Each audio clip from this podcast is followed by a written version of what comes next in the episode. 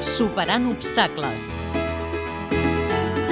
Per primer cop a les eleccions al Parlament de Catalunya, els cecs voten amb un kit en braille.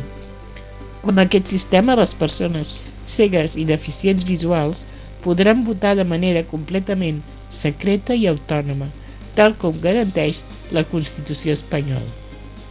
Aquest diumenge 28 de novembre, més de 200 persones cegues i deficients visuals de Catalunya podran exercir el seu dret a vot secret per primera vegada en unes eleccions al Parlament de Catalunya. Els interessats han hagut de sol·licitar el vot accessible prèviament, per tal que el dia de les eleccions la documentació que necessiten sigui el seu col·legi electoral corresponent. A tot Catalunya s'han sol·licitat 207 kits de vot accessible. Això suposa 117 kits més que en les anteriors eleccions al Parlament Europeu del 2009. La majoria de sol·licituds són de la ciutat de Barcelona, però també n'hi ha de Terrassa, Sant Feliu del Llobregat, Santa Coloma de Gramenet i l'Hospitalet de Llobregat, entre d'altres. Per demarcacions electorals hi ha 117 sol·licituds de Barcelona, 12 de Girona, 12 de Tarragona, 4 de Lleida i 2 sense assignar kit de votació accessible.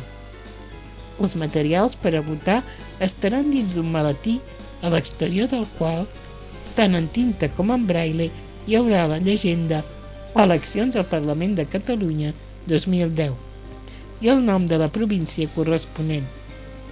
El maletí conté una guia explicativa en braille, un sobre 8 de votació normalitzat i un sobre gran amb tants sobres com candidatures concorrin a aquestes eleccions.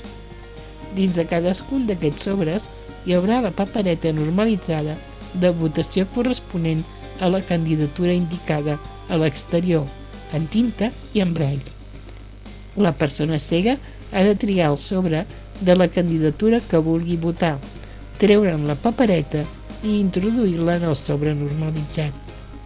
D'aquesta manera es garanteix que no hi ha diferència amb els vots de la resta de ciutadans. Per tal de garantir que el vot sigui secret, els col·legis electorals comptaran amb una zona per tal que la persona invident pugui utilitzar la documentació per a la votació en privat. Tot el procés ha estat certificat per la Comissió Braille Espanyola.